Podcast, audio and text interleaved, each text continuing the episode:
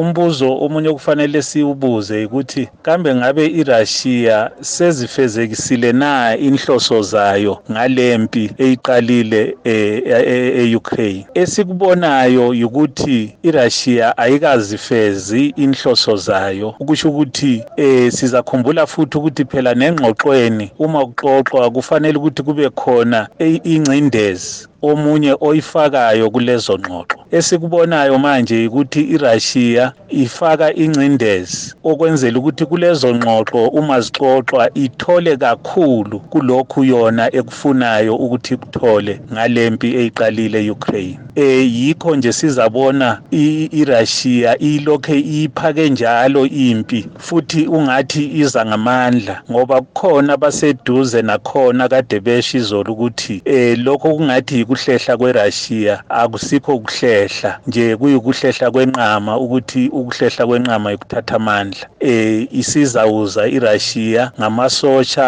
amatsha asesenomfutho ngezikhali ezintsha ebekade ingakazisebenzisi. Eh lokho eh abathile abaseduzane nempi eh bake bakuthinta eh izolo. Singayabona elemelika linikeza ele Ukraine uncedo lolo eliludingayo.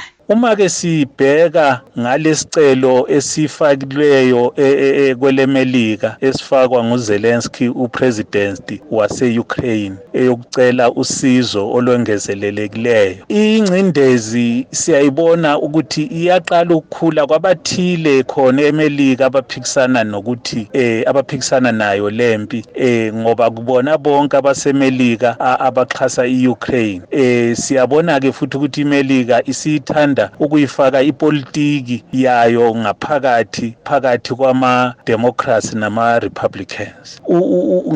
Ngalokho ke sokungathi kuthanda ukufaka ingcindezi kubiden ukuthi enze njani. Eh kukhona yebo asengazama ukukwenza kodwa ke incindezi ekhaya isiyakhula nakuye uBiden. Eh okufanele ukuthi lento ethi noma eyenza enze ngokukhulu kunanzelela ngoba phela ukhetho nakhona eAmerica luyasondela. Abathile abaphikisana naye. Sebezathatha yonke lento yalempi bayisebenzise ekulweni ukhetho. Kodwa ke iRussia eyiyona umphaki wempi eh asikayiboni ukuthi izohlehla. Njalo futhi sikhumbuleke phela ukuthi eh kusesekusha kakhulu. Eh nalama sanctions eh unswinyo lolo abalufakayo eh alukazweli kakhulu kuRussia nabantu bakhona. Ngakho ke iRussia ibuke kungathi sesenawo amandla nomfutho ukuthi sengaqhubeka iye phambili ukuze ithole izimfuno zayo ezitholilayo ngenhloso yokuqala lempi. Ngiyabonga.